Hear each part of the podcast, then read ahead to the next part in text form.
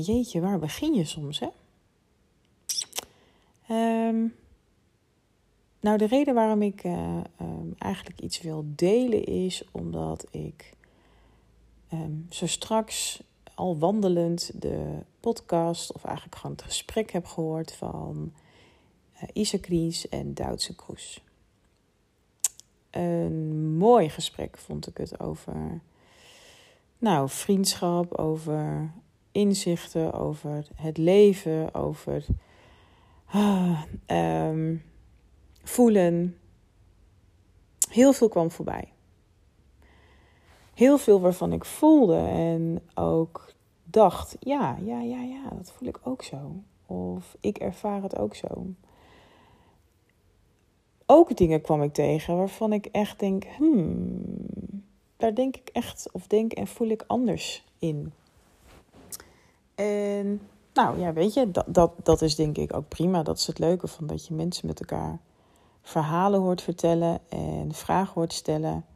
En dat je daar dan zelf dus ook een bepaalde gedachte of een bepaald gevoel, of misschien zelfs soms wel een lichamelijke sensatie bij hebt. En dat had ik heel erg op twee dingen. Eén, um, op het stukje uh, niets is wat het lijkt.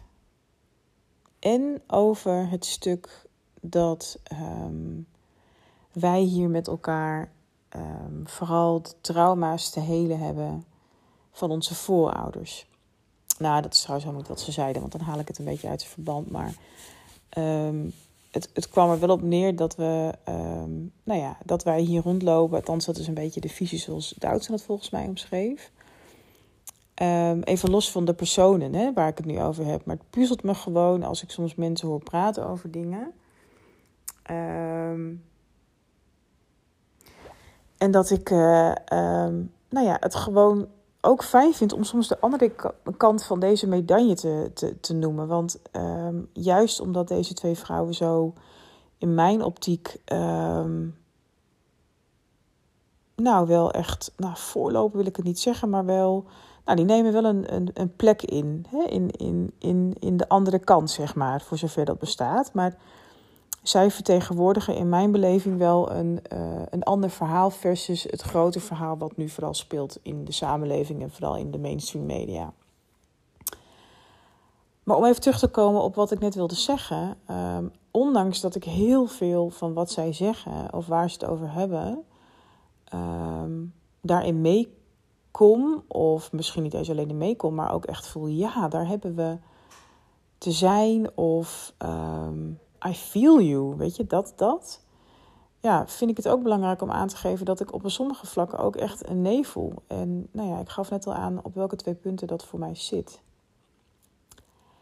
En daar wil ik toch ook wel een soort geluid aan geven. Want ik heb het gevoel dat het ook belangrijk is om ook kritisch te zijn. Zelfs naar mensen waarvan je denkt, hé, hey, die heb ik hoog zitten. Of um, die zijn een soort inspiratiebron. Um, want niets is wat het lijkt ja, dat vind ik echt een hele grote, grootse uitspraak. Daarmee doe je in mijn optiek ook niet recht aan de manier waarop je de wereld beleeft of ervaart. Um, sommigen noemen dat een illusie, sommigen noemen dat programmering, sommigen noemen dat conditionering. Um, nou, ik weet niet wat je er allemaal op kan plakken. Uh, maar de stellingname dat niets is wat het lijkt, dan zou je er dus vanuit moeten gaan dat vele mensen um, niet goed zien, niet goed voelen, hier eigenlijk dan dus niet zijn. En ik heb het gevoel dat dat niet zo is. Ik heb het gevoel dat uh, um, er juist heel veel wel is, zoals het lijkt. Uh, maar dat er misschien een soort waas overheen zit, waardoor niet iedereen alles kan zien voor wat het is. En de vraag is ook: moeten de gehele mensheid in één keer alles zien zoals de ander het ziet? Ik geloof het niet. Ik geloof ook dat als je het hebt over frequenties, weet je, dat is ook wel een soort term die heel veel wordt gebruikt. Um, ik geloof ook niet dat iedereen op dezelfde frequentie afgestemd moet zijn. Ik bedoel, we hebben binnen de radio ook niet voor niets allerlei verschillende zenders. Met andere woorden, de een voelt zich lekkerder bij 538 en de ander die sept liever naar jazz radio. Puur omdat het gewoon beter past bij wie je bent of bij je mood of whatever. Met andere woorden, we kunnen gewoon niet met z'n allen op hetzelfde stuk zitten. Dat gaat niet. Dat is in de mensheid nog nooit, uh, voor zover ik dat ook maar kan snappen, hè, nog nooit gebeurd. Oftewel, iedereen speelt zijn eigen rol. En dus iedereen heeft ook zijn eigen perceptie of zijn eigen blik van het nu. En wie zegt dat um, jouw manier van kijken naar het nu of in de wereld de juiste is? Is er überhaupt wel zoiets als het juiste? Dus ja, heel prominent zeggen uh, dat niets is wat het lijkt, um, ja, daar kan ik niet bij. De mensen die ik dicht bij mij heb, die zijn wat ze zijn. En dat lijkt niet zo, dat is zo. Want ik ervaar dat door mij heen. Um, ik ervaar ook donker. Ik ervaar ook machtsmisbruik, zou ik het willen noemen. Um, ik ervaar dwang. Ik ervaar onvrijheid. Ik ervaar ook vrijheid. En ik ervaar ook. Um, ja, ik denk het volle leven. En daarmee denk ik dat um, niets is wat het lijkt te groot ge, genoemd wordt. En dat we met z'n allen ook voorzichtig moeten zijn met dat soort uitspraken. Omdat je daarmee misschien ook wel um, mensen hun hele vertrouwen in wat ze zelf ervaren en voelen, zien, noem maar op, dat je dat eruit trekt. En de vraag is of je dat zou moeten willen. Um, en ik zeg dat omdat uh, er zijn heel veel mensen die graag willen versnellen. Dat hoorde ik net ook in deze podcast. En toen dacht ik, ja, maar hè? dat is ook weer zo'n soort hype. Hoezo willen we versnellen? Kan het niet zo zijn dat we hier gewoon heel veel jaren en decennia over doen, lieve mensen? Waarom snel? Alles in de evolutie heeft tijd gekost. Misschien wel miljarden jaren. Ik bedoel, als je nagaat dat we hier als een soort klein organisme ooit begonnen zijn. Tenminste, als je daar dan in gelooft. Um, ja, Jezus, dan heb je toch echt wel wat, wat jaren nodig om, om te evolueren. Waarvan ik nog niet eens zo goed weet waar naartoe dan. Want ik heb dat beeld helemaal niet. Uh, maar goed, ja, uh, niets is wat het lijkt. Um, puzzelt me, triggert me. En ik voelde ook een soort weerstand op, omdat ik denk en voel. Er is heel veel van wat je nu ervaart, is wat je ervaart. En dat kan voor ieder mens, ieder wezen wat hier leeft, anders zijn. En daarmee is voor mijn gevoel de stelling niets is wat het lijkt niet kloppend. Nou, en dat gaat ook wel een beetje over dat andere stuk over dat wij hier vooral heel veel te helen hebben met elkaar. Ik denk dat we vooral al heel erg heel zijn. en met heel bedoel ik um, het idee van afsplitsing of het idee dat wij als mensheid op aarde zijn gekomen om uh, de trauma's en shit van onze ancestors te helen. Ja, dat weet ik niet zo goed. Dat weet ik echt niet zo goed. Um, ik geloof wel, of ik voel heel erg dat, dat, dat het met name te maken heeft met je eigen donker in de ogen kijken. Uh, dus je eigen trauma's die je in het hier en nu hebt ervaren. En of dat nou uit 30 verschillende generaties komt, of twee, of whatever. Ehm, in mijn beleving doet het er dus eigenlijk helemaal niet toe. Want je leeft nu. Met andere woorden, dingen die geweest zijn, die kunnen we volgens mij helemaal niet veranderen. Sterker nog,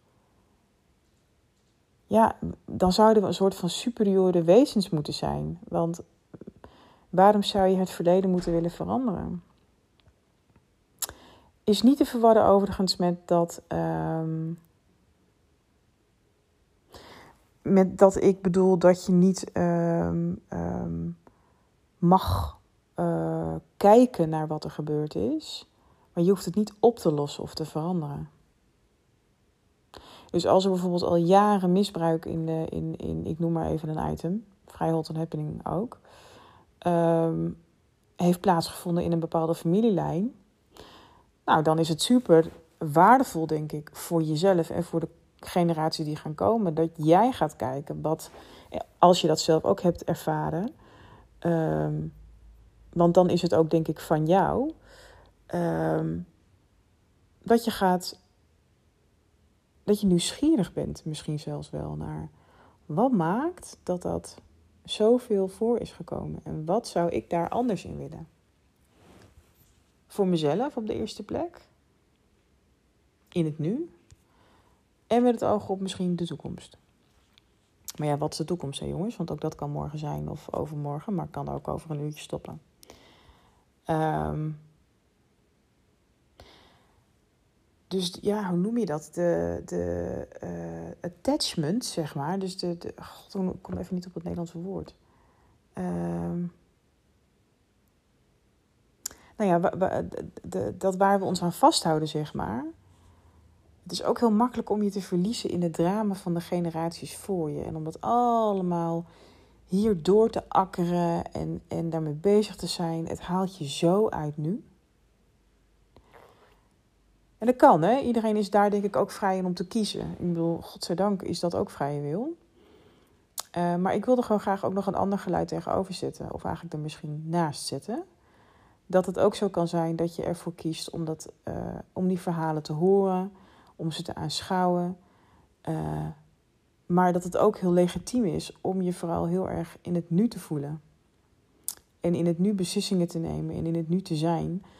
Uh, en in het nu je shit aan te kijken. Die je zelf in het fysieke aspect nu en in dit leven hebt ervaren of te ervaren hebt.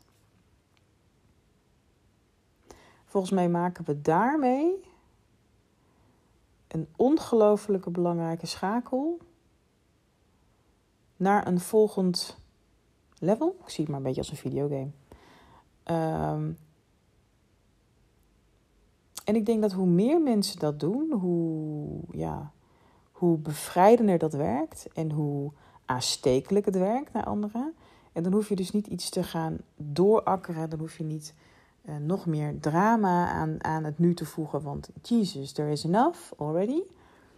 Um, nou ja, zo. Dus ja, ik voelde wel heel erg de behoefte om, om um, wel dit ook te zeggen. En nou ja, goed, een aantal van jullie die mij misschien volgen weten ook dat ik uh, um, zelf ook dingen uit het verleden aan het bekijken ben. Maar eigenlijk niet zozeer over het verhaal, het verleden, maar veel meer over uh, ja, hoe kan ik um, hoe kan ik mijn eigen lijf vertrouwen, weet je wel? Hoe kan ik uh, voelen en, en, en reageren op wat ik voel zonder dat ik rekening hou met allerlei andere dingen? Um, en dat is dus in het nu super belangrijk. En ik voel dat ik nu um, het anders wil. En ik verlang naar een andere manier van leven dan hoe ik dat nu tot nu toe heb gedaan. Wat heel lang dienst heeft gedaan. Dus daar hoef ik helemaal niet een soort van uh, schuld of boetedoening voor te hebben of whatever. Um, maar daarmee doe ik recht aan het nu.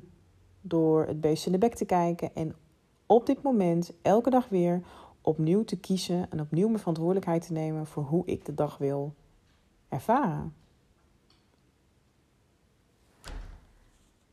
Nou jeetje, dus is wel een verhaal geloof ik, hè, nu wat ik vertel.